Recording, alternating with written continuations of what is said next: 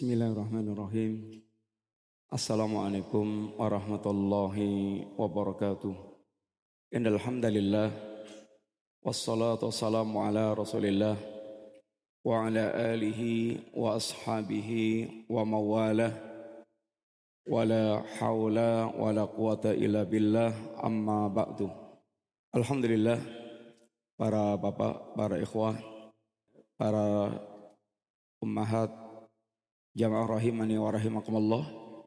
Yang pertama kita bersyukur kepada Allah Subhanahu wa taala malam hari ini dengan kemudahan yang Allah berikan kepada kita semuanya kita bisa bersama-sama berjamaah menunaikan sebagian kewajiban kita sebagai seorang hamba dan kita melanjutkan dengan menyempatkan sedikit waktu kita untuk bersama-sama mengoreksi dan berusaha untuk memperbaiki dan tentu secara umum mengingatkan diri kita masing-masing berkaitan dengan nasihat-nasihat agama.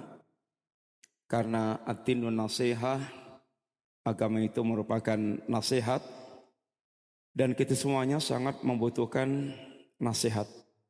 Lebih-lebih di zaman yang kita banyak sekali faktor yang membuat kita lalai, yang membuat kita kemudian semakin melupakan dan semakin jauh dari agama kita. Dan mudah-mudahan selama kita masih memiliki perhatian dengan agama, artinya perhatian dengan majelis-majelis ilmu, Semoga menjadi bagian alamat kebaikan kita. Karena seperti yang Nabi telah sampaikan dan telah kita hafal semua. Mayuritillahu bi khairan yufaqihu fiddin. Barang siapa yang Allah kendaki kebaikan baginya, maka Allah akan fahamkan dia tentang agama. Paham agama itu adalah kunci kebaikan bagi seorang muslim.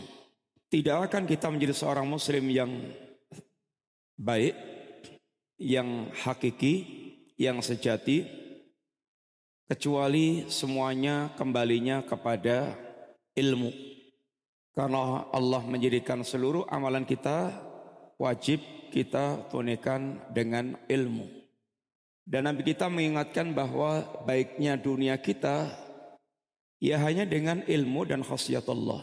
Barang siapa memiliki dua ini, dalam kondisi apa pun dia akan senantiasa tetap dalam kebaikan. Nabi pernah sampaikan innamat dunya li arba'i nafar. Dunia ini hanya untuk empat golongan, enggak lebih daripada itu. Yang pertama, abdun razaqallahu ilman wa ma'lan. Hamba yang Allah berikan kepadanya ilmu dan harta. Fahuwa yattaqillah fahuwa yattaqilillahi fi. Dia bertakwa kepada Allah Subhanahu wa taala dalam urusan ilmu dan harta yang dia miliki. Wa yasilur rahimah dan dia menyambung silaturahim dengan harta yang dia miliki. Wa ya'lamu lillahi fihi haqqah dan dia mengetahui hak-haknya Allah dalam hal ilmu dan harta yang dia miliki. Fawa afdalul manasil ini adalah kelompok yang terbaik dalam kehidupan dunia. Allah berikan kepada dia ilmu, Allah berikan kepada dia dunia, ya harta atau mungkin jabatan atau yang lainnya. Dan bersama itu dia bertakwa kepada Allah Rabbnya. Dia gunakan apa yang dia miliki untuk menyambung silaturahim dengan para manusia, hamba Allah Ta'ala. Dan dia tahu hak-hak Allah yang berkaitan dengan apa yang diberikan Allah kepadanya. Orang seperti ini adalah sebaik-baik manusia. Orang kedudukannya paling utama. Yang kedua, abdun razaqallahu ilman walam yarsukhu malan hamba yang Allah berikan kepadanya ilmu tetapi tidak Allah berikan harta. Dia berilmu tapi miskin. Tetapi ilmunya telah menuntun dia kepada niat-niat yang baik. Dengan ilmunya dia dituntun, dia tertuntun memiliki niat-niat yang baik. Dia mengatakan, "Lau anna malan la amiltu bi amali fulan." Seandainya aku diberikan oleh Allah harta, aku akan beramal sebagaimana amalnya si fulan yang pertama. Kata Nabi, "Fahuma fi ajrihima sawa." Atau fawa fi ajrihima sawa dia dalam masalah pahala sama. Antara yang pertama dengan yang kedua atau yang kedua dengan yang pertama Allah berikan pahala yang sama semata-mata dengan niat yang dia miliki. Yang ketiga, abdun razaqallahu malan walam yarzukhu ilman. Hamba yang Allah berikan kepadanya harta, kaya raya, boleh jadi konglomerat, pokoknya suki, melegedu, ngawawu, uh, hartanya melimpah ruah. Tapi walam yarsukhu ilman. Dia nggak tahu agama sama sekali, bodoh tentang agama, sehingga tidak ada pembimbing, sehingga dia tetap tidak terbimbing dengan baik karena dia tidak memiliki ilmu yang mengarahkan dia apa yang mestinya untuk dia lakukan yang terbaik. Dalam hal ini, la yattaqi fihi. Dia tidak bertakwa kepada Allah, wala yasilu fihi rahimah, dia tidak menyambung silaturahim, wala ya'rifu lillahi haqqah, dia pun tidak mengetahui hak-haknya Allah Subhanahu wa taala. Ini resikonya orang yang mereka tidak memiliki ilmu. Dia akan dibimbing oleh hawa nafsunya atau oleh syaitannya. Karena manusia itu kalau dia tidak mengikuti bimbingan agama, pasti dia akan terjebak dalam mengikuti hawa nafsu dan sangkaan-sangkaannya. Fa illam yastajibu lak fa'lam annama yattabi'una ahwa'ahum.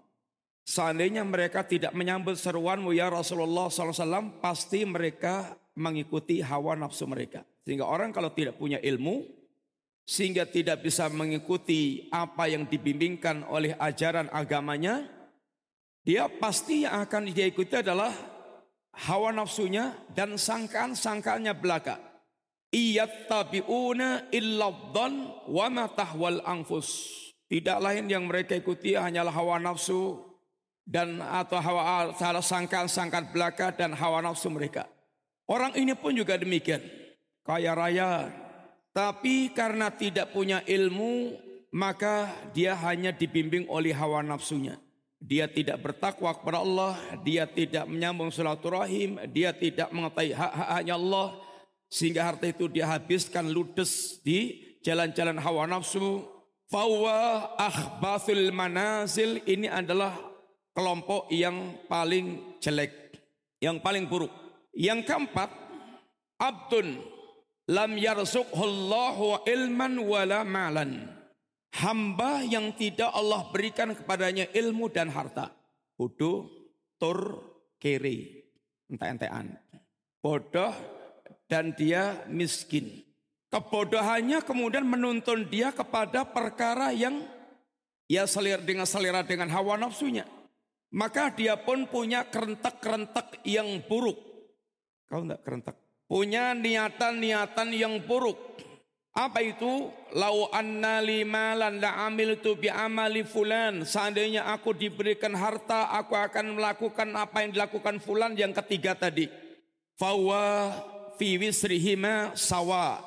Orang ini dalam hal dosa sama dengan yang ketiga itu. Perhatikan ya kawan, di sini kunci yang paling utama adalah ilmu. Orang yang Allah berikan ilmu dan ketakwaan, mau kaya, mau miskin, buat dia tidak ada masalah. Dia akan tetap lurus-lurus selama dia senantiasa berada dalam bimbingan ilmu dan memiliki ketakwaan kepada Allah SWT. Dan tidaklah orang dikatakan berilmu kecuali dia bertakwa kepada Allah, memiliki khasiatullah. Seluruh keutamaan para ulama itu hanya akan diraih ketika dia memiliki khasiatullah. Al ilmu khasiatullah. Apabila orang yang mereka ilmunya walaupun sampai sundul langit tapi dia tidak memiliki ketakwaan kepada Allah Subhanahu wa taala Ya statusnya kata Allah kal himar. Dia kayak himar. Yahmilut Taurah. Dia membawa Taurat. Membawa kitab-kitab. Walaupun berapa gerobak kitab yang dia bawa. Tapi nggak nyambung antara perilaku himar dengan kitab yang digendongnya. Orang yang mereka memiliki memahami ilmu tahu ilmunya tapi tidak mengamalkannya, ya statusnya kayak khimar. Sehingga kalau dikatakan ilmu itu artinya dari situ ada khasiatullah. Maka orang yang memiliki hakikat ilmu seperti ini, mau kaya, mau miskin, dia akan senantiasa dalam kebaikan. Tapi ketika orang tidak memiliki ilmu, dia tidak memiliki ilmu, Demikian pula mau kaya, mau miskin, itu hanya akan diombang-ambingkan oleh hawa nafsu mereka. Maka yang pertama, selama kita insya Allah masih memiliki yaitu kemauan belajar agama, memiliki semangat untuk mendekat kepada agama dengan kejujuran dan ketulusan hati kita, karena untuk belajar ilmu itu butuh kejujuran dan ketulusan. Sehingga betul-betul dia pasrah untuk dibentuk yang baik dengan ilmu yang akan dia pelajari. Maka ini alamat kebaikan bagi dia. Kalau enggak, rawan dia untuk dia tenggelam dalam syahwat atau dia tenggelam dalam subhat. Orang yang mereka tidak punya ilmu sama sekali, sehingga juga tidak faham agama, maka sering dia kemudian mengarah kepada tenggelam dalam perkara syahwat. Menjadi pemabuk, menjadi apa itu ya tukang mendem, kemudian tukang main, madon, kalau orang Jawa bilang molimo. Apa molimo? Maling, madon, madat, oh lagi. Ya urusannya sekitar urusan syahwat. Yang dia puas-puaskan sekedar syahwat. Dan kalau dia memiliki semangat beragama tetapi tidak berilmu sehingga tidak memiliki kefahaman yang benar tentang agama, ini rawan ke blondrok-blondrok di dalam subhat. Sehingga kelihatannya memiliki semangat agama tapi karena tidak terbimbing dengan ilmu, maka dia bisa masuk ke lorong-lorong kesehatan ahlul bidah. Kemudian ikhwanibillah, Allah Subhanahu wa taala menegaskan di tengah-tengah miliaran manusia yang ada di muka bumi ini. Atau kalau kita kerucutkan lagi muslimin yang jumlahnya sekitar hampir 2 miliar atau 1 miliar sekian Kata Allah, minkum man yuridu dunya wa minkum man yuridul akhirah. Di antara kalian ada orang yang cita-citanya, himmahnya, atau keinginan-keinginannya itu hanya soal urusan dunia. Wa minkum man yuridul akhirah dan di antara kalian ada orang yang himmahnya, keinginannya, cita-citanya adalah berkaitan dengan perkara akhirat. Sama-sama jasad kita sekarang masih di muka bumi. Kita masih berjalan di muka bumi. Sama-sama boleh jadi menjadi pejabat atau dia pengusaha.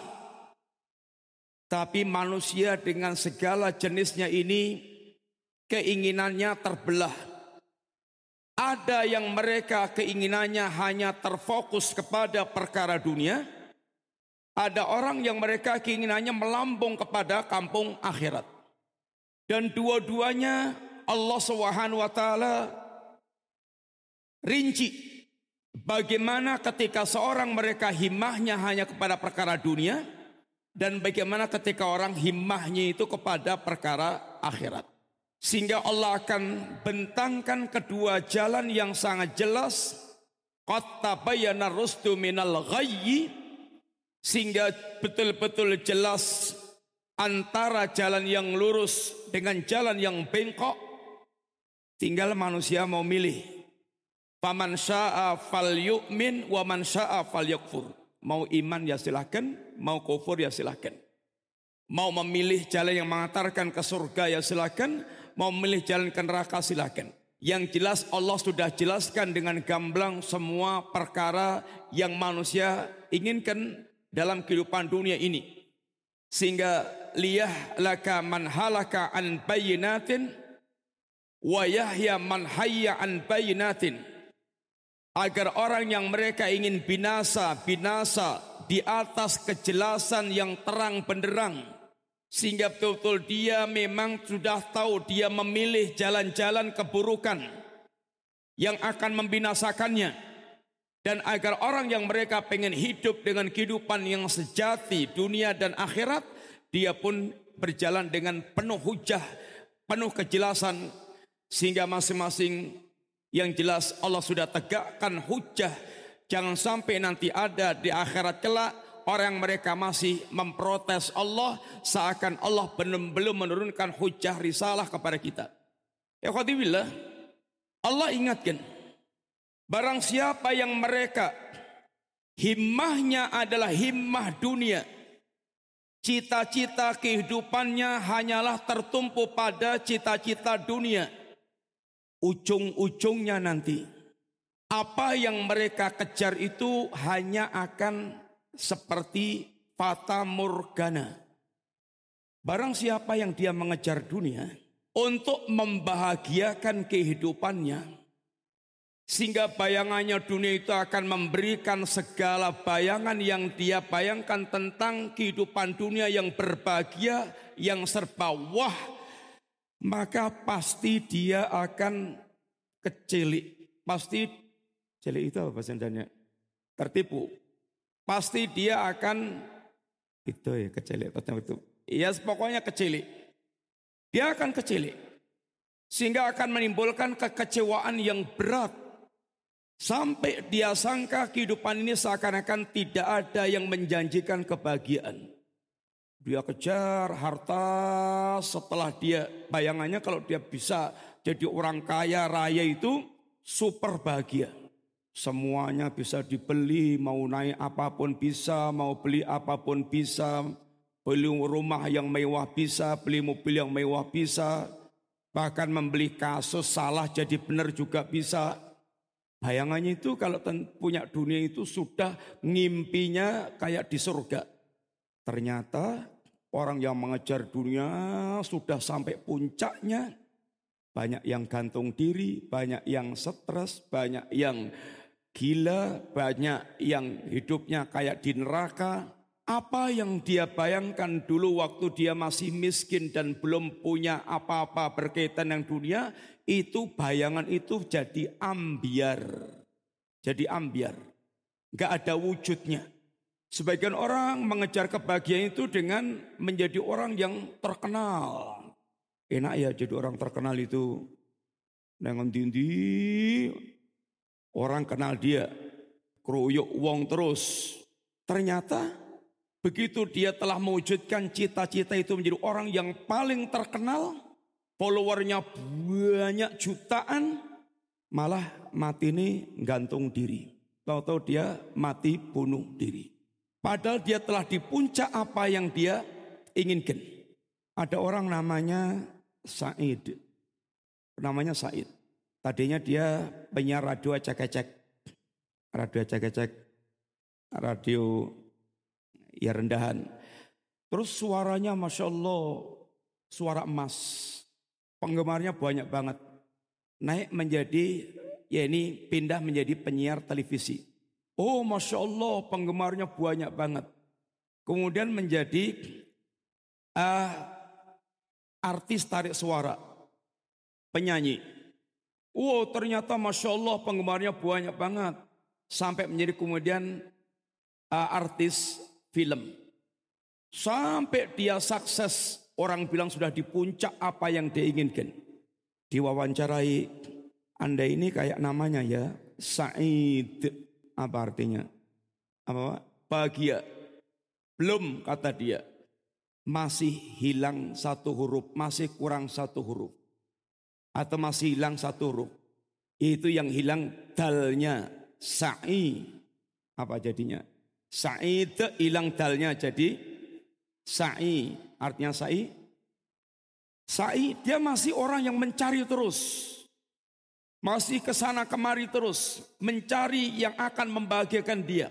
Bayangan orang itu dia sudah di puncak kebahagiaannya karena mendapatkan semua yang dia cita-citakan dulu. Ternyata di puncak orang melihat sudah sampai di puncaknya, dia merasa belum mendapatkan apa yang dia inginkan. Sehingga orang bilang kok kayak kebahagiaan itu kok kayak palsu ya, bayangan palsu. Dikejar sana nggak ketemu, kejar sini nggak ketemu. Sehingga kayak bayangan palsu. Sebenarnya ada nggak sih hakikat kebahagiaan di dunia itu? Sebagian orang boleh jadi menjadi putus asa. Dan kisah-kisah ahlu dunia, orang-orang yang mereka mengejar dunia sampai pada puncaknya, mereka hidup bagaikan di neraka itu sangat banyak. Sangat banyak. Baik cerita masa lalu atau cerita masa kita sekarang ini. Baik yang kita baca atau yang kita lihat di sekitar kita. Dulu ada orang namanya Christina Onassis. Dengar nggak? Seorang wanita yang super kaya raya. Keluarga ini, anggota keluarganya aja masing-masing punya jet pribadi pesawat pribadi mau pergi ke mana tinggal ngelencer, mau tinggal mau ke mana keturutan.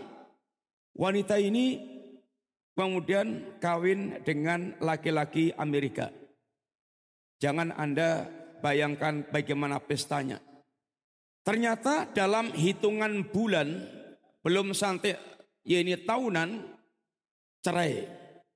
Kalau cerai itu karena bahagianya atau karena sesek dodonya? Eh, orang minta cerai. Ada nggak orang mas kita ini terlalu bahagia ini.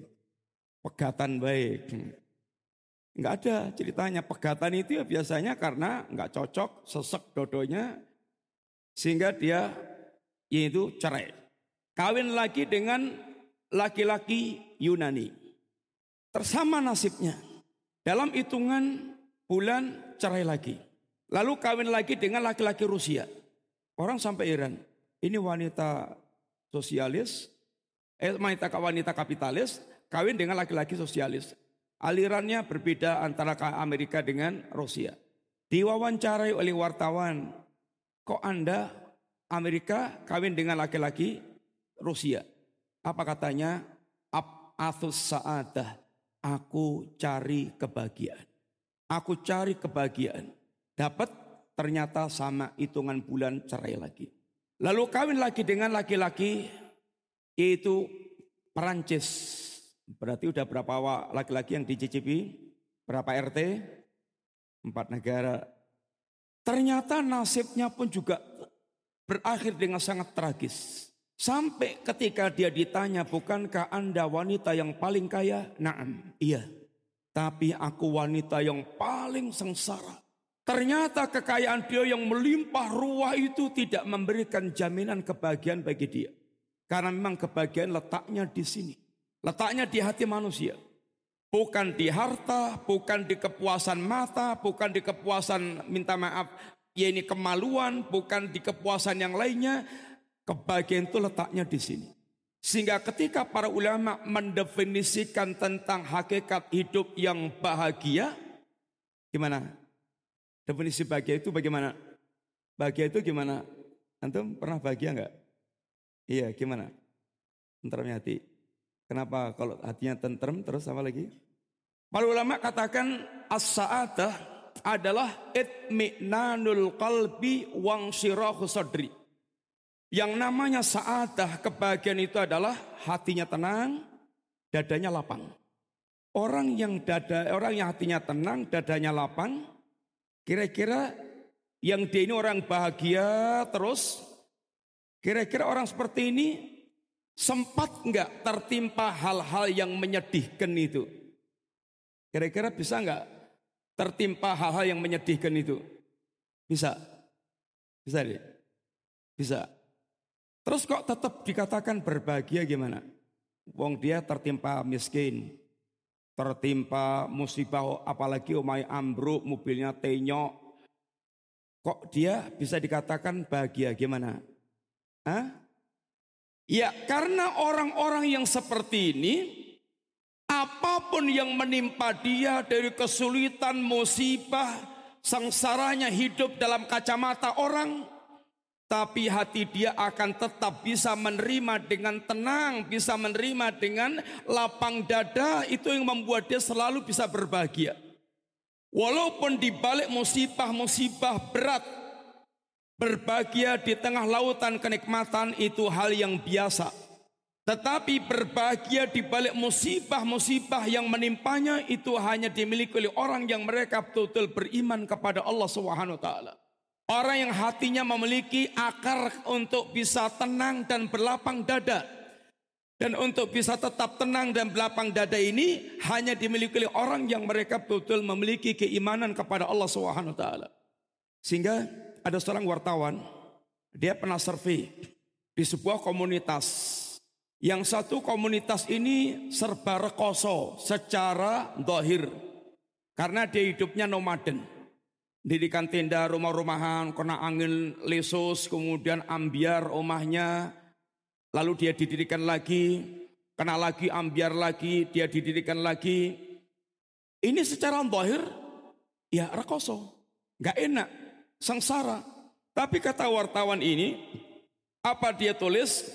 Tujuh tahun bersama dengan penduduk surga. Lawang rekoso gitu, penduduk surga gimana toh?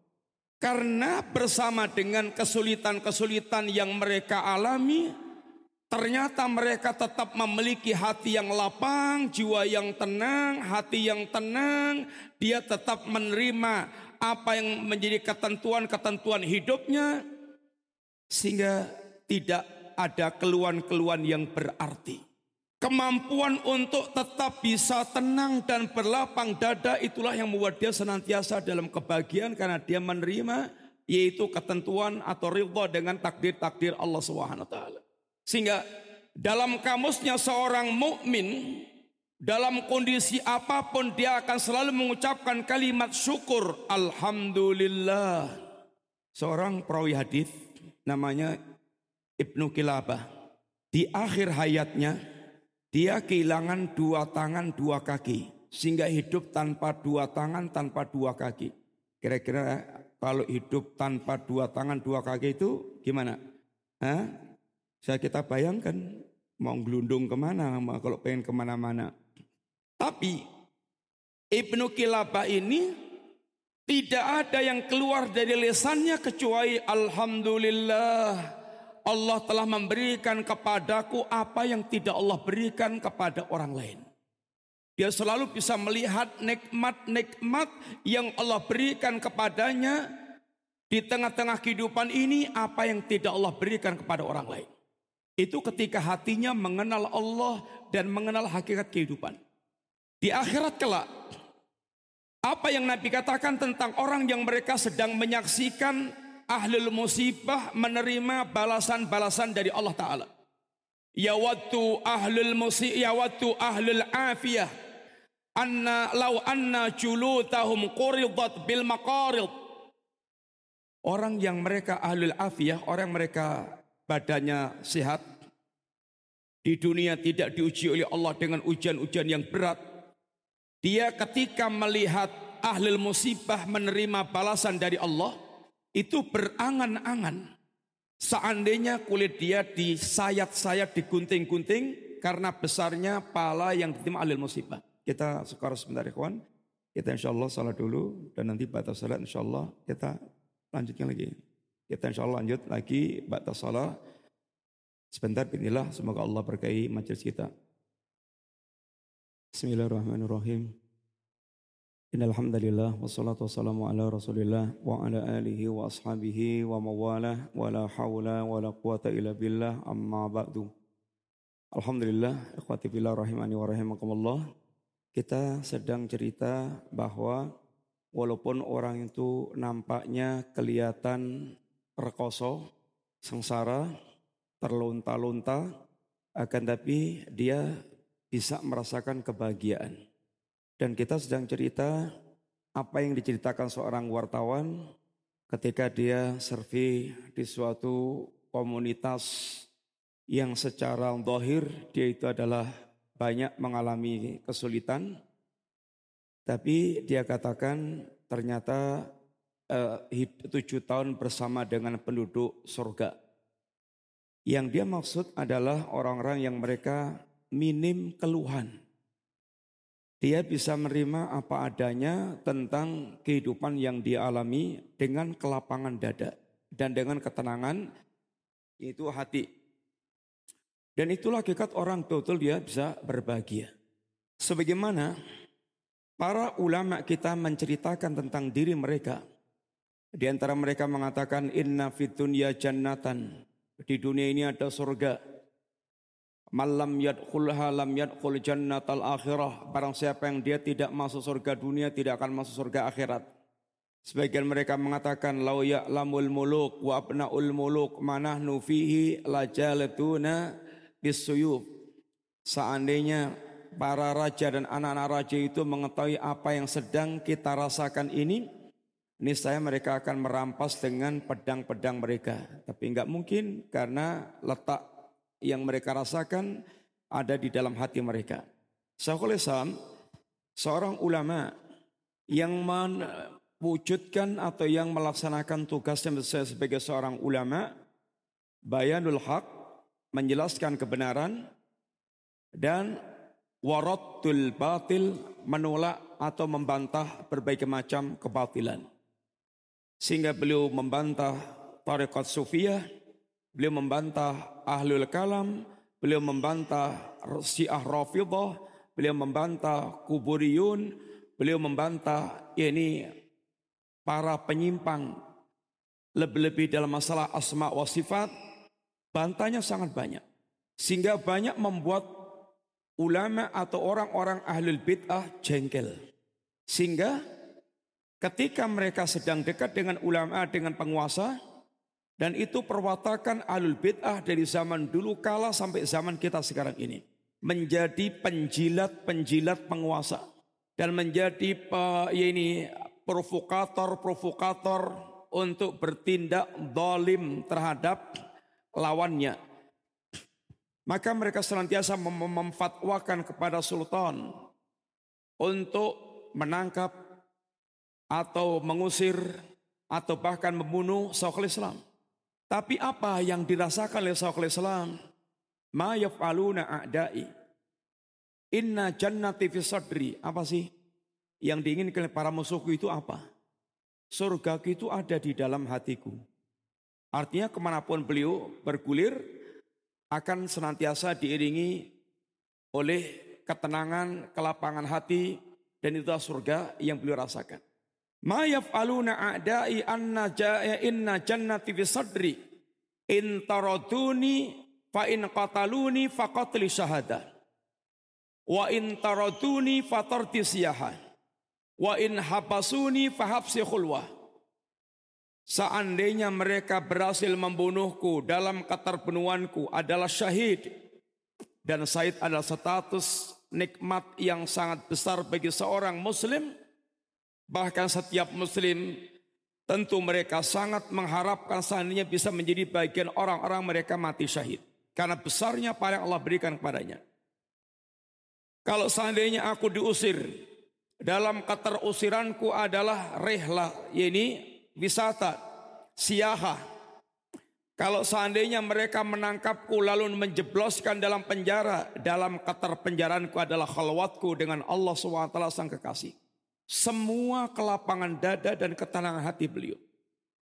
Sehingga bersama dengan kesulitan-kesulitan yang sering beliau alami, bahkan beliau pun meninggal dalam penjara saking seringnya beliau keluar masuk penjara atas provokasi para ulama alul bidah yang sering selantiasa sangat provokatif penuh dengan kedustaan dan ingin berbuat zalim kepada yaitu lawannya.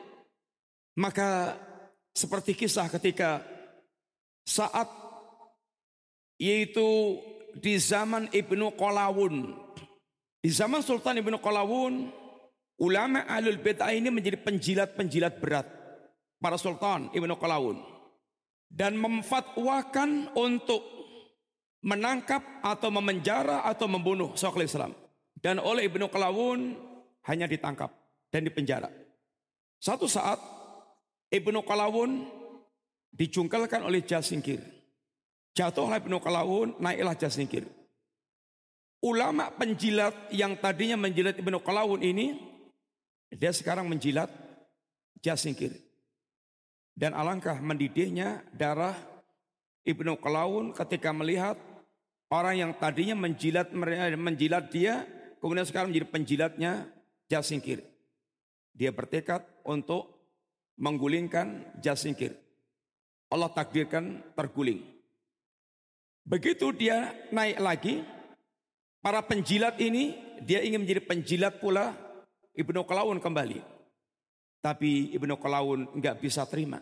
Dia keluarkan Syekhul Islam, dan ditunjukkan secara kertas yang berisi fatwa mereka dulu untuk membunuh atau untuk menangkap atau untuk mengusir Syekhul Islam dan ternyata justru dengan syafaat Syekhul Islam ulama penjilat yang sudah mau dibuang oleh Ibnu Qalawun ini bisa kembali bersama dengan Ibnu Qalawun dengan nasihat dengan syafaat Syekhul Islam Ibnu Taimiyah. Dan begitulah karakter Ahlus Sunnah. Yang beliau ungkapkan dengan ungkapan ahlu sunnah itu a'lamunasi bil haqqi wa arhamunas lil halqi. Ahlu sunnah itu orang yang paling faham tentang kebenaran. Paling tahu tentang al-haq. Karena mereka orang yang paling fokus. Tidak ada yang lebih perhatian dengan dalil-dalil Quran dan sunnah seperti perhatian ahlu sunnah. Karena Ahlussunnah menganggap kedua wahyu ini merupakan sakral, perkara yang sakral. Yang merupakan petunjuk yang akan membimbing mereka pada kelurusan jalan.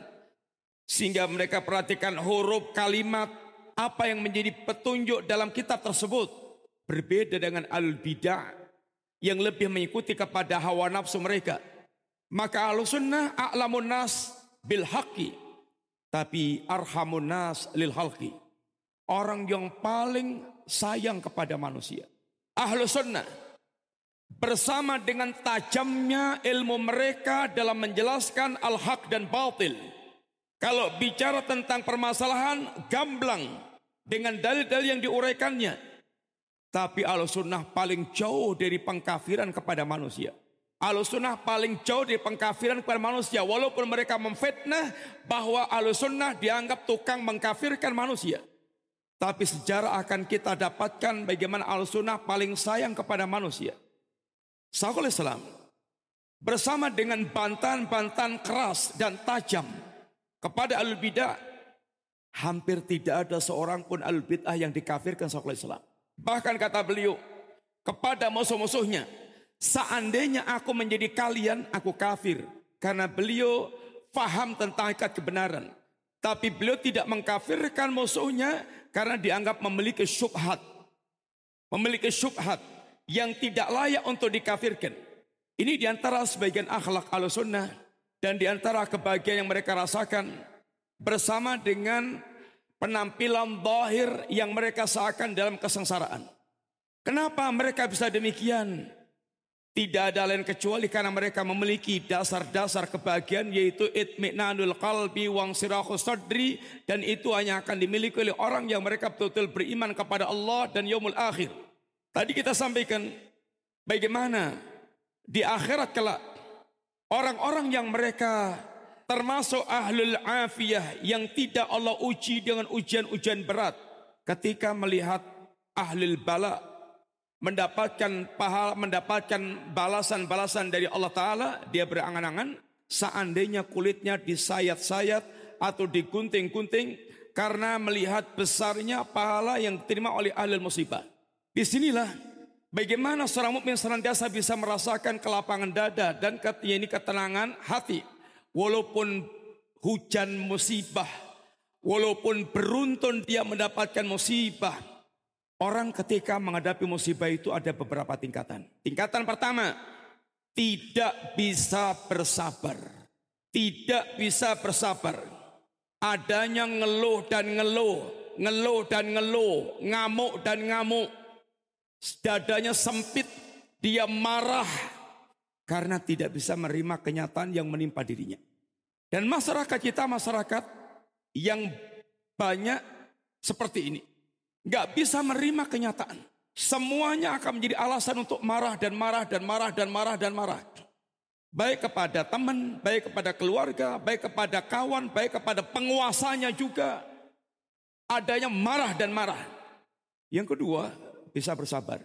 Dia tidak mengeluh kepada makhluk. Tapi dia masih merasakan pahitnya musibah yang dia terima.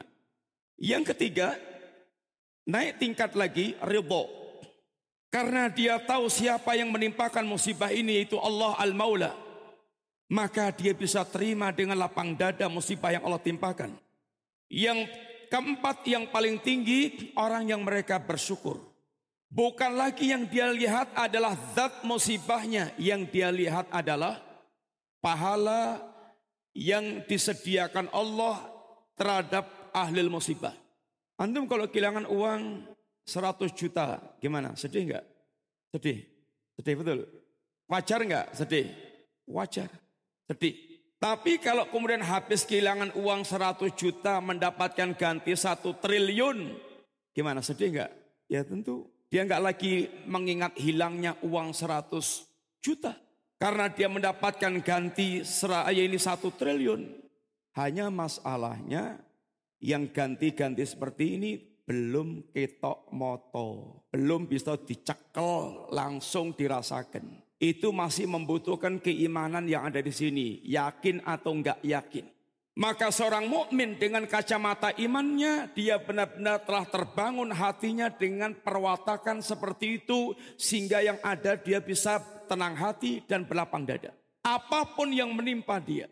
Bahkan boleh jadi limpahan dunia yang dia dapatkan itu bagi dia lebih musibah dibandingkan dengan penderitaan-penderitaan yang dia alami. Karena boleh jadi limpahan dunia yang dia terima itu menjadi sebab hancurnya agama dia. Bisa menjadi sebab hancurnya agama dia. Nabi kita pernah mengatakan ada seorang hama inna rojul. Layasluhu imanu. Ada seorang yang mereka ini akan senantiasa imannya itu dalam keadaan baik. Apabila dia dalam kondisi fakir. Ketika masih fakir, Masya Allah. Datang masjid, juara satu. Uh, tawadhu.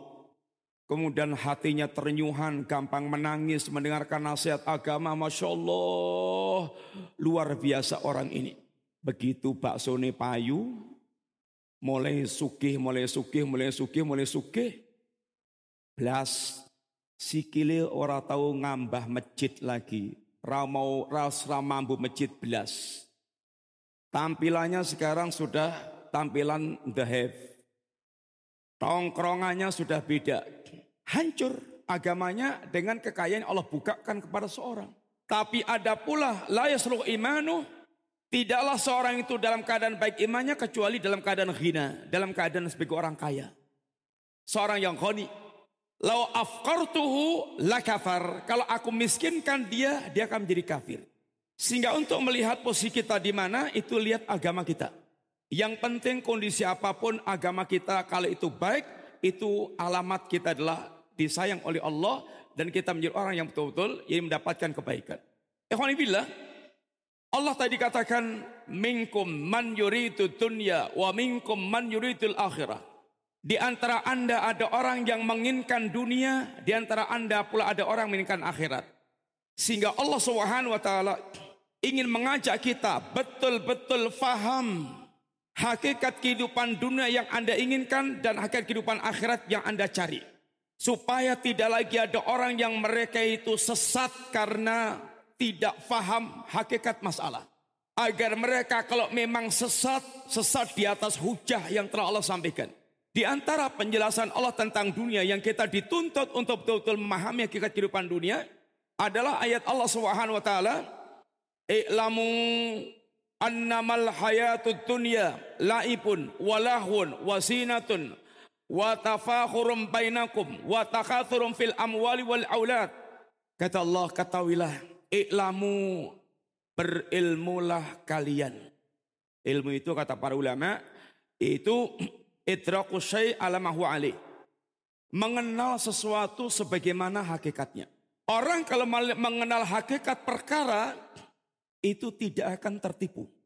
Tidak akan tertipu. Dan tidak akan mau ditipu dengan cara apa pun.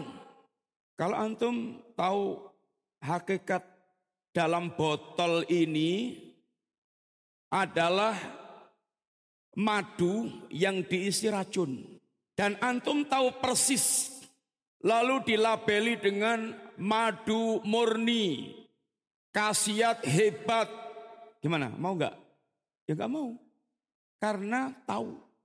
Mau dikemas dengan kayak apa pun saya tahu hakikatnya nggak mau. Semua perkara kalau kita tahu hakikatnya kita tidak akan tertipu. Yang gampang tertipu itu kalau orang tidak tahu hakikatnya. Kalau kita tahu hakikat syirik itu kayak apa, Mbok ya syirik itu mau dikemas kayak apa pun indahnya, ungkapannya. Enggak. Syirik tetap syirik walaupun bungkusnya kelihatan bagus. Karena tahu hakikat masalah. Kotoran, entah telek lencung, tahu enggak? Coklat, trek lincung. Dibungkus dengan bungkus tulisan coklat enak lezat. Nyoh, gimana? Enggak mau. Tahu hakikatnya. Tapi kalau orang tidak tahu hakikatnya itu sering keblondrok-blondrok. Sering dia kemudian tertipu-tipu. Di, eh, dikasih subhat sedikit, dikasih kesamaran dikit, dia sudah bingung, sudah tertipu. Allah mengajak kita untuk betul-betul mengetahui hakikat perkara, hakikat kehidupan dunia. I'lamu annamal hayatud dunya, ketahuilah hakikat kehidupan dunia itu adalah laibun permainan walahun sendukuru wasinatun hanya hiasan-hiasan.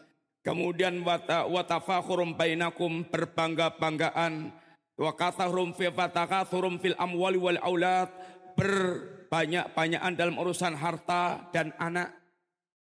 Ini hakikat kehidupan dunia bagi orang yang mereka tidak punya orientasi kehidupan kampung akhirat. Dunia itu tempatnya main-main, tempatnya sendokuru, tempatnya umu-umuan, tafakur, panggil ketemu gatuk tu umu. Umu, tahu umu enggak?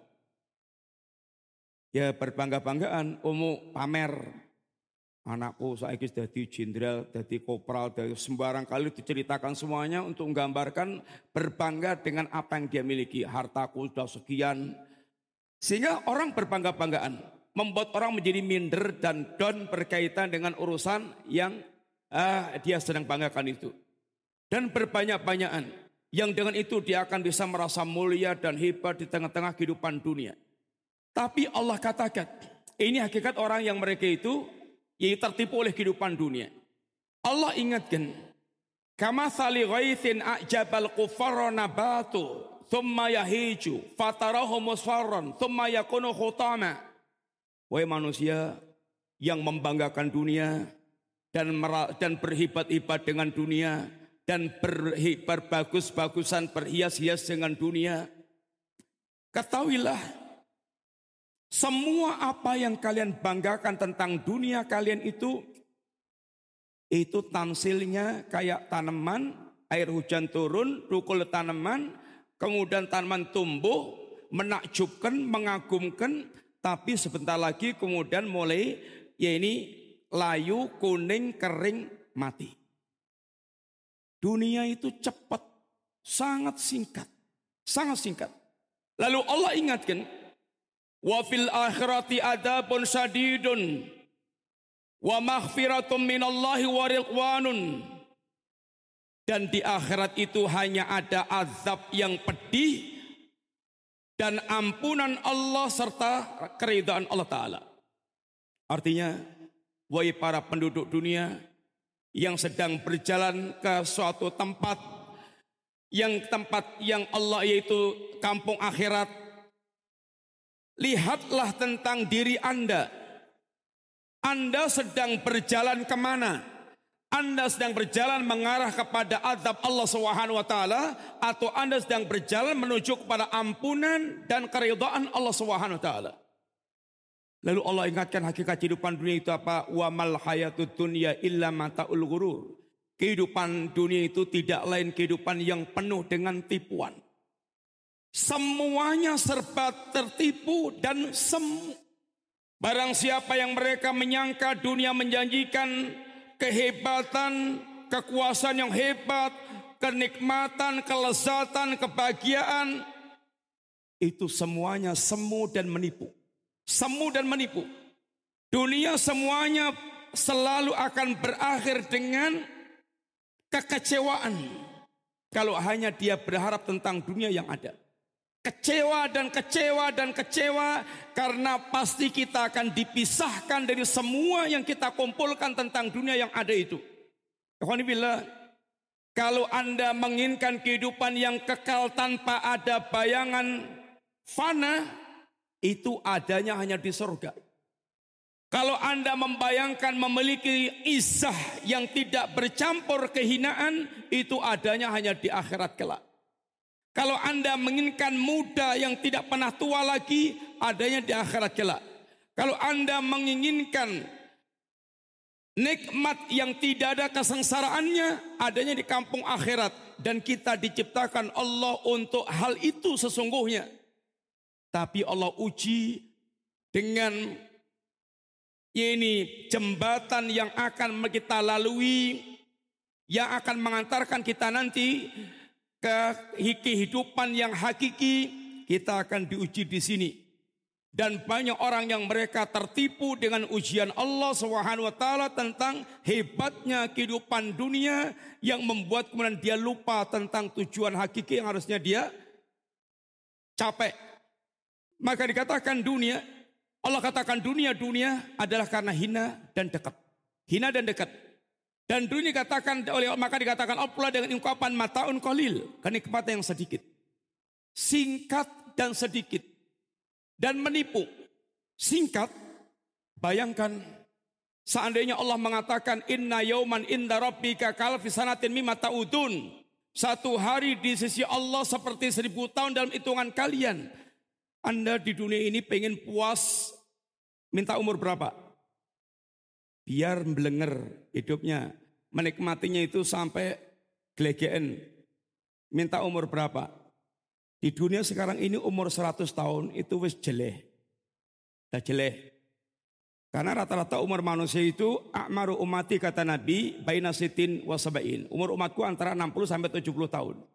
Kalau orang umur 100 itu rata-rata koncone wis do mati. Mau glenian serono koncone maneh. Dan umur-umur seperti itu sudah umur-umur yang sudah nggak ngenakan. Seandainya Anda dari awal sampai akhir 100 tahun itu full nikmat.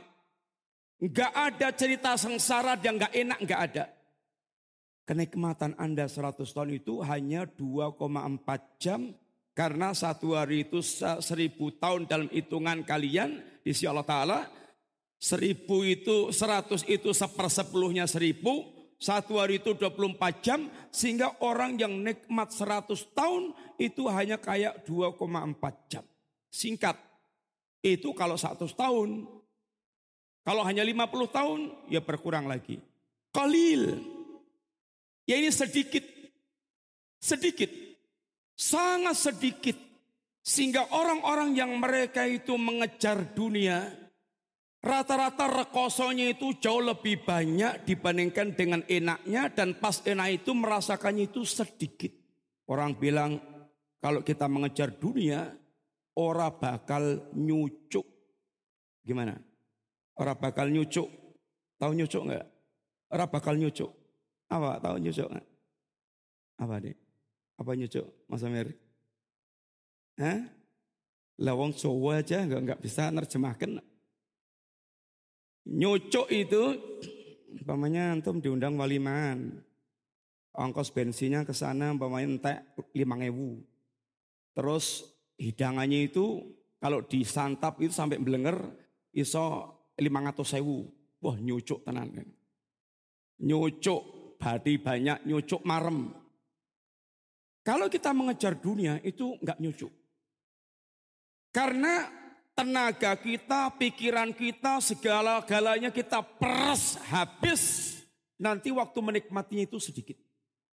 Contoh, antum mau jadi dokter spesialis yang kemudian pasiennya itu antri kayak sepur sehingga duitnya numpuk sampai sundul empiak.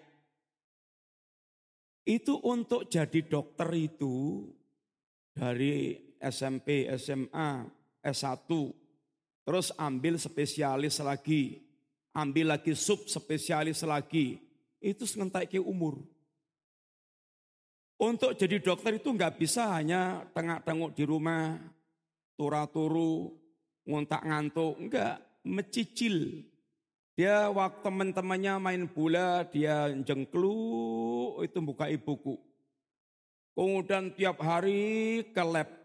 Kemudian harus ngawal pasien, praktek praktek untuk keahlian ilmu kedokterannya itu.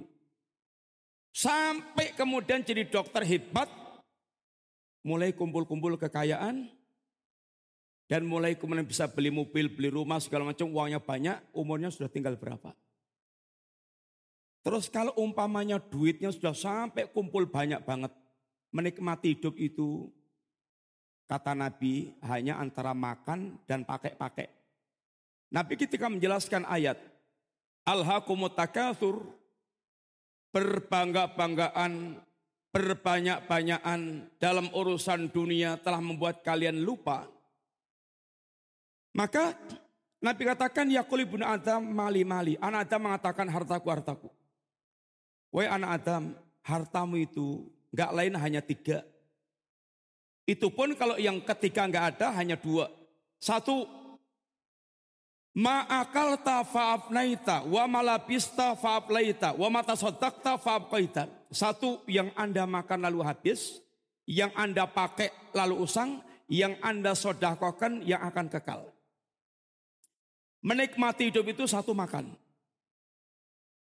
Makan itu antum punya duit banyak. Bisa mendatangkan semua menu cak Bandung ini bisa antum undang semuanya kemudian uh, kemudian berdatangan.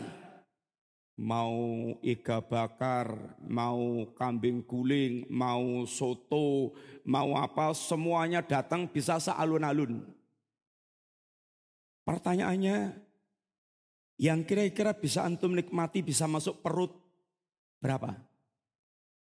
Soto semangkok romangkok sampai lima mangkok sundul telak sini cepak ke ambulan. Dikit.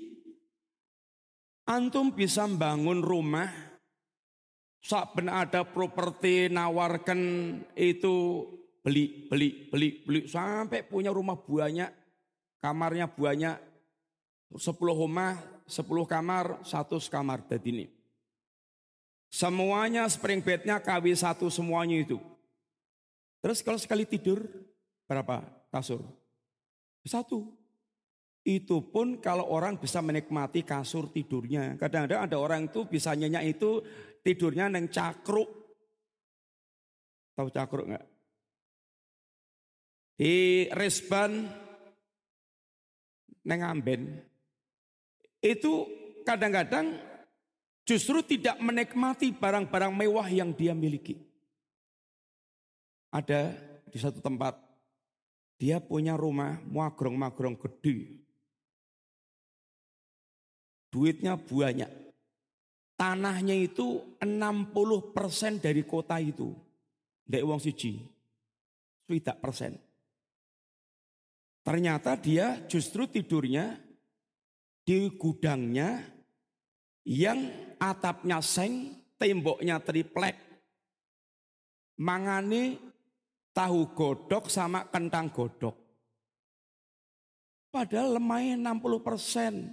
Duitnya banyak. Kemudian omah magrong-magrong. Omah magrong-magrongnya itu dibuat kosong. Gak ada yang mau nempati juga. Begitu di antara gambaran-gambaran kehidupan yang ada. Menikmati dunia itu intinya sangat sedikit. Hanya yang kita makan, yang kita pakai-pakai, dan itu pun gak bisa maksimal. Antum bisa punya setel pakaian itu telung lemari apa sepuluh lemari, telung atau setel. Sekali pakai berapa setel? Kayaknya satu, dua, tiga. Ben kita sugih terus langsung sekali pakai sepuluh setel gitu. Ya nanti diketawain di jalan dasar koplak ini. Itu dunia sedikit yang kita nikmati sedikit. Maka kalau kita mengejar dunia itu enggak nyucuk. Nanti kita apalagi ada orang itu sudah rekoso dan bahil. Rekoso bahil itu artinya dia sudah cari dunia kemeringat ke mana-mana. Dia tumpuk, tumpuk, tumpuk, tumpuk. Tapi waktunya dia pengen beli apa-apa itu serba util. Mau beli makanan, niki pinten niki, sak menten. Wah larang banget. Ras itu gak jadi beli karena mahal. Ke toko masuk baju bagus-bagus tertarik mau pakai mau beli. Ini berapa harganya? Sekian. Larang men. Ras itu Akhirnya tukune barkas. Beli-beli barang bekas murahan. Mangane cukup dengan kangkung atau dengan ya ini telo. Ini orang pelit. Sudah rekoso ngumpulkan harta banyak-banyak pelit. Sampai kemudian mati. Mati ya hartanya melangkrak milik orang lain. Dia tinggal masuk kubur. Milik dia yang hanya dibalutkan ke tubuh dia. Yang lainnya semuanya milik orang lain. Makanya kalau orang itu dia hanya fokus mencari dunia, tapi hanya untuk dunia, nggak bakal nyucuk. Yang nyucuk itu kalau cari kampung akhirat. Kemudian kita lengkapi sedikit, yaitu di antara yang diingatkan Rasulullah SAW, Nabi kita memberikan perbandingan antara pencari dunia dengan pencari akhirat. Nabi katakan, mangkanatid dunya hammahu Barang siapa himmahnya itu adalah dunia. Satu, ja'alallahu faqrahu baina ainai. Allah akan jadikan kefakiran itu ada di kedua kelopak matanya. Yang kedua, wa samlah Allah akan buat cerai berai urusannya. Yang ketiga, wala ta'ti dunya ila makudirallah dan tidak akan datang dunia kecuali yang ditakdirkan Allah kepada dia. Nabi katakan barang siapa yang cita-citanya, himmahnya, kemauannya, keinginannya itu hanya dunia. Satu, Allah akan jadikan kefakiran ada di kedua kelopak matanya. Yang ada itu kelihatannya itu melarat, melarat, melarat, melarat. Dia masih rasanya kurang, kurang, kurang, kurang.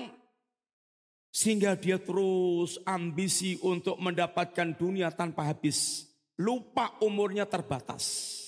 Lupa umurnya terbatas. Maka Nabi sering menggambarkan antara ambisi manusia tentang dunia dengan umurnya. Rata-rata keinginan tentang dunia itu modot panjang banget umpamanya sampai uh, notok masjid sana itu, notok tembok masjid yang paling sana. Garis kematiannya di sini. Tapi ngen-ngennya itu masih panjang banget. Sehingga yang ada itu hanya kurang, kurang, kurang, kurang, kurang, kurang terus. Merasa belum target, belum target terus. Apalagi kalau sampai satu saat dia berkurang atau tidak tercapai targetnya. Target, target bulan ini keuntungan umpamanya satu miliar. Kecekel, naik lagi target. Oh bulan depan harus dua miliar. Bulan berikutnya harus tiga miliar. Terus tahu-tahu nggak capai target. Keuntungan berikutnya hanya satu setengah miliar. Wah rugi kita ini. Rugi. Keuntungannya satu setengah miliar sebulan itu rumangsanya rugi. Karena dia targetnya 3 miliar atau 4 miliar. Akhirnya digenjot terus untuk mencapai target.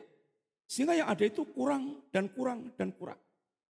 Dan orang yang rakus seperti ini, itu akan mengumpulkan antara ambisi untuk mendapatkannya dengan kedoliman-kedoliman yang dia yang dia lakukan dan kalau sudah mendapatkan dia akan bakhil. Itu rata-rata orang yang mereka ambisi tentang kehidupan dunia. Ambisinya sangat luar biasa, dia akan mencari tanpa peduli tata cara halal atau haram dan kalau dia mendapatkan dia adalah sangat bakhil karena hubban zaman. Kemudian wa samlah urusannya akan Allah berant, buat berantakan. Urusannya dengan Allah berantakan, dengan manusia berantakan. Kalau orang yang ambisi dunia itu masih punya agama, masih masih memandang melaksanakan ibadah, itu ibadahnya ruwet. Ibadahnya ruwet sholatnya serba terlambat. Mending masih jamaah, tapi jamaahnya serba terlambat. Sholat jamaah hampir bubar, dia baru datang.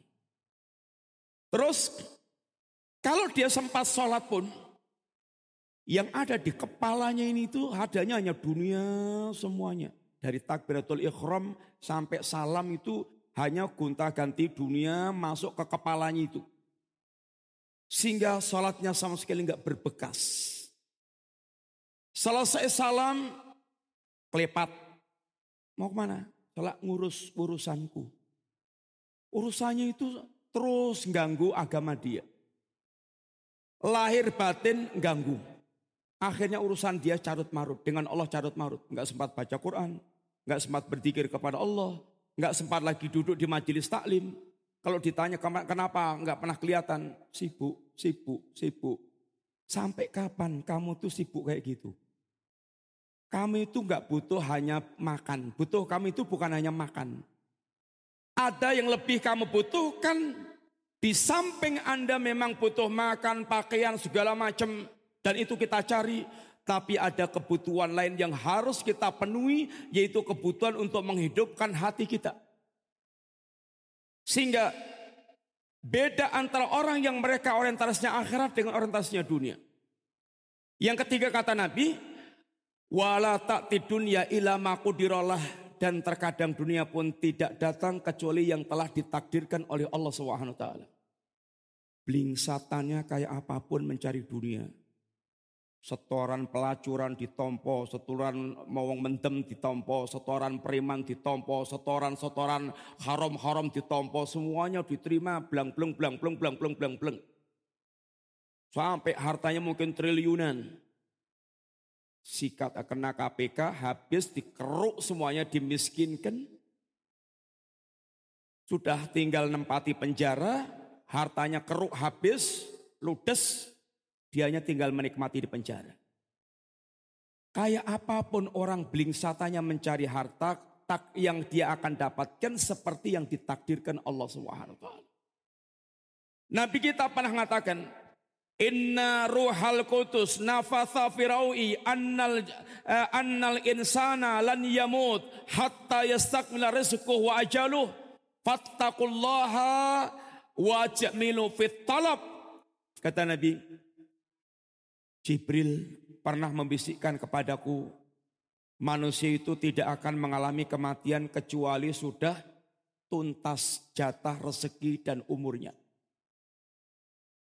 Tidak akan mengalami kematian kecuali sudah tuntas jatah rezeki dan amalnya. Dan ajalnya. Ada orang itu sudah tinggal mati pet. Terus ternyata membaik. Membaik, membaik, membaik sampai sehat sehat, minta es krim. Terus dicarikan es krim. Wes kepangan, terus langsung drop, drop, drop, drop, mati. Es krimnya masih ketinggalan. Belum kemakan, jatah rezekinya masih ketinggalan es krim. Begitu habis kemakan, mati. Demikian Nabi sampaikan kepada kita. Manusia tidak akan mati sampai jatah rezeki dan umurnya habis. Sehingga kata Nabi, bagaimana cara kita menghadapinya? Fattakullaha, hendaklah kalian tetap bertakwa kepada Allah Subhanahu wa taala. Wajib fit talab dan perbaguslah cara mencarinya. Beda dengan orang yang mereka himana kampung akhirat. Wa man kana wa man til akhiratu hammahu. Barang siapa yang akhirat menjadi cita-cita utama dia, obsesi dia, keinginan dia adalah kampung akhirat. Satu, ja'alallahu ghinahu fi qalbi, Allah akan meletakkan kekayaan di dalam hatinya. Dia akan merasa cukup dengan pemberian Allah. Cari-cari. Tapi begitu dia mendapatkan jatah sekian, dia kona'ah. Dia kona'ah, dia terima, dia terima dengan hati yang longgar apa yang diberikan Allah Subhanahu dan mentalnya mental orang kaya. Bukan mental dermis, bukan mental orang yang ngatung, tapi mental orang kaya. Yang kedua, wajah asamlah. Allah akan kumpulkan semua urusannya. Orang yang mereka orientasinya kampung akhirat, maka tidak ada yang sia-sia. Tetes keringatnya tidak yang sia-sia. Rupiah yang keluar tidak yang sia-sia Capeknya nggak ada yang sia-sia. Semuanya akan dibalas oleh Allah apabila dia berorientasi kampung akhirat. Sehingga 24 jam yang dia lakukan itu nggak ada yang sia-sia. Akan Allah kumpulkan semuanya. Hidupnya teratur, sangat bagus. Bangun tidur dia berzikir kepada Allah Subhanahu wa taala. Lalu dia ambil air wudhu, dia sesucen, kemudian dia serah subuh, lalu dia lanjutkan dengan azkar sobah, sehingga awal harinya dia awali dengan betul-betul bersimpuh di hadapan Allah untuk kemudian dia melakukan aktivitas berikutnya. Di sela-sela aktivitas dia Allah panggil salat, dia salat, bersimpuh di hadapan Allah, dia kembali lagi. Terus demikian alur yang sangat ya ini indah dan sangat bagus dan sangat teratur bersama dengan memiliki akhlak-akhlak yang bagus kepada para hamba Allah. Wa tati dunia wa yarahimah dan terkadang untuk orang seperti ini dunia datang berjubel, dunia datang berlimpah dalam keadaan dia datang sebagai pelayan, sebagai budak, bukan sebagai bos yang memperbudak, sebagai pelayan. Pencari akhirat tidak harus miskin. Pencari akhirat bisa kaya raya. Bukankah Sulaiman adalah pencari akhirat? dan dia memiliki kerajaan yang tidak ada tandingnya oleh orang sebelum maupun sudahnya. Bukankah Osman bin Affan sahabat yang kekayaannya melimpah, kekayaannya melimpah. Antum bayangkan di antara kekayaan Osman satu, Osman pernah membeli sumur rumah itu senilai 20 ribu dinar. 20 ribu dinar, satu dinarnya itu kira-kira 4, sekian gram. Satu gramnya sekarang berapa ya kuat? Dibulatkan saya satu juta umpamanya. Satu juta ping papat berapa? 4 juta. 4 juta ping rong puluh hewu berapa? Berapa pak?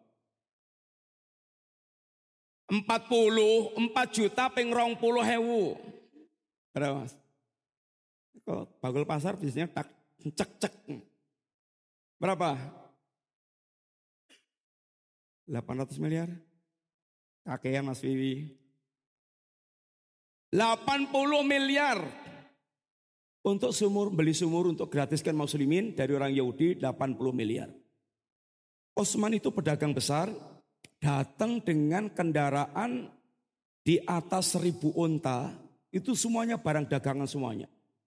Tengkulak-tengkulak sudah siap untuk beli barang Osman. Osman jual kepada Allah semuanya alias digratiskan kepada kaum muslimin karena ingin mendapatkan keuntungan dari Allah Subhanahu wa taala. Osman dalam perang Tabuk, perang Tabuk itu perang yang sangat jauh. Jauh, paceklik, musim panas sehingga orang berangkat itu berat sekali sehingga mereka sedang krisis Jaraknya kira-kira 700 kilo atau 600-an kilo. Jogja Jakarta berapa kilo? 400. Itu 700-an kilo atau 600-an kilo. Dan ya kendaraannya ya kalau nggak unta ya kuda atau juga bisa jalan kaki. Dengan kendaraan paling unta sama kuda. Sehingga ini jarak yang jauh, terik panas matahari, kemudian sedang krisis, sehingga orang semuanya kerasa beratan untuk dia berangkat jihad. Osman membiayai sepertiga biaya perang tabuk ini dari harta Osman. Sehingga Osman intinya kita hanya menggambarkan sekilas, Osman itu kaya raya. Masya Allah hartanya luar biasa. Tapi Osman orang yang mereka orientasinya kampung akhirat. Artinya orang yang berorientasi kampung akhirat itu nggak harus miskin. Ibn Mubarak itu seorang ulama alul hadis, mujahid dan terkenal zuhud tapi kaya raya. Biasa mengkafil ustadz, ulama dan para santri. Talabatul ilmi. Biasa nutupnya nutup orang utangnya orang-orang dan pernah mengajikan orang sekampung gratis tis mangkat mulih PP gratis tambah oleh-oleh. Itu Ibnul Mubarak. Intinya orang seperti ini ada yang kaya raya. Tapi mereka orientasinya lurus jadi kepada kampung akhirat. Demikian Nabi di antara menggambarkan antara mereka yang orientasinya kampung akhirat dengan mereka orientasinya kehidupan dunia. Sehingga betul-betul hidupnya orang mereka menginginkan kampung akhirat, semuanya kehidupan yang memuaskan dunia dan akhiratnya. Di dunia dia betul-betul merasa hatinya lapang, hatinya tenang. Dia berbuat baik kepada makhluk dan kepada Allah Subhanahu wa taala dan dia akan mendapatkan jannah dari apa yang dia lakukan di dunia sekarang ini. Sehingga jannatul dunya, wa jannatul barza, wa jannatul akhirah adalah merupakan kehidupan orang yang mereka mencari kampung akhirat. Yang terakhir adalah perkataan ini Ali bin Abi Thalib yang beliau pernah mengatakan irtahalatid dunya mudbiratan wartahalatil akhirah mukbilatan wa kullu min huma banun kunu min abna'il akhirah wala takunu min abna'id dunya fal yawma amalun wala hisabun wa ghadan hisabun wala amalun fa inna akhwafa ma akhafu alaikum tulul amal wattibaul hawa fa amma tulul amal fayan fayansal akhirah wa amma tibaul hawa fayasuddu anil haq. Oh kama qala kata Ali bin Abi Thalib dunia itu berjalan meninggalkan kita Antum kejar kayak apa pun dunia, sampai antum jantungnya pedot, paru-parunya mandek, bernafas, jungkel ke kuburan, dunia bablas terus sampai waktu yang ditentukan oleh Allah Subhanahu wa. Sehingga kayak apa pun kita kencengnya ngejar dunia, kita terbatas. Dan kita akan masuk kubur yang ada tinggal pertanggungjawaban apa yang sudah kita lakukan. Apa yang telah berlalu tinggal mimpi-mimpi. Kayak pernah ngimpi jadi bupati, pernah ngimpi jadi wali kota, pernah ngimpi jadi gubernur, pernah ngimpi jadi presiden. Masuk kubur, semuanya melangkar, ditinggal dan tinggal pertanggungjawaban di hadapan Allah Ta'ala. Keduanya, dunia dan akhirat, dakwal akhirah, wartal hatil akhirah mukbilatan. Sedangkan akhirat datang itu menyambut kita. Kita mau lari ke mana pun, itu kita pasti ketemu dengan kampung akhirat. Karena pintu, pintu gerbangnya kampung akhirat adalah kematian. Dan kematian pasti menjumpai kita. Enggak ada yang bisa lari dari kematian. Walaupun dia kata Allah berlindung di benteng yang kokoh kematian akan menjumpai dia. Kemudian kata Ali bin Abi Thalib, wa kullu min huma banun, keduanya punya penggemar, punya anak-anak, ada abna dunia, ada abna akhirah. Abna dunia, penggemar bakti kepada dunia, semuanya all out untuk dunia. Anak-anak akhirat, dia penggemar akhirat, anak-anak akhirat, dia akan all out pula untuk akhirat dia. Kata Ali, kunu min abna'il akhirah wala takunu min abna'id dunia. Jadilah anak-anak akhirat, Jangan jadi anak-anak dunia. Rugi jadi anak-anak dunia, jadilah anak-anak akhirat. Sekarang ini adalah hari-hari kita kerja. Amal. Yang ada kerja, kerja, kerja, kerja. Amal, amal, amal, amal, amal. Dan kita tidak akan pernah pensiun dari amal ini kecuali kakinya sudah nempel ke surga atau kakinya sudah nginjek ke surga. Kata ini ketika Imam Ahmad di komentar ditanyakan orang, sampai kapan kita mau begini?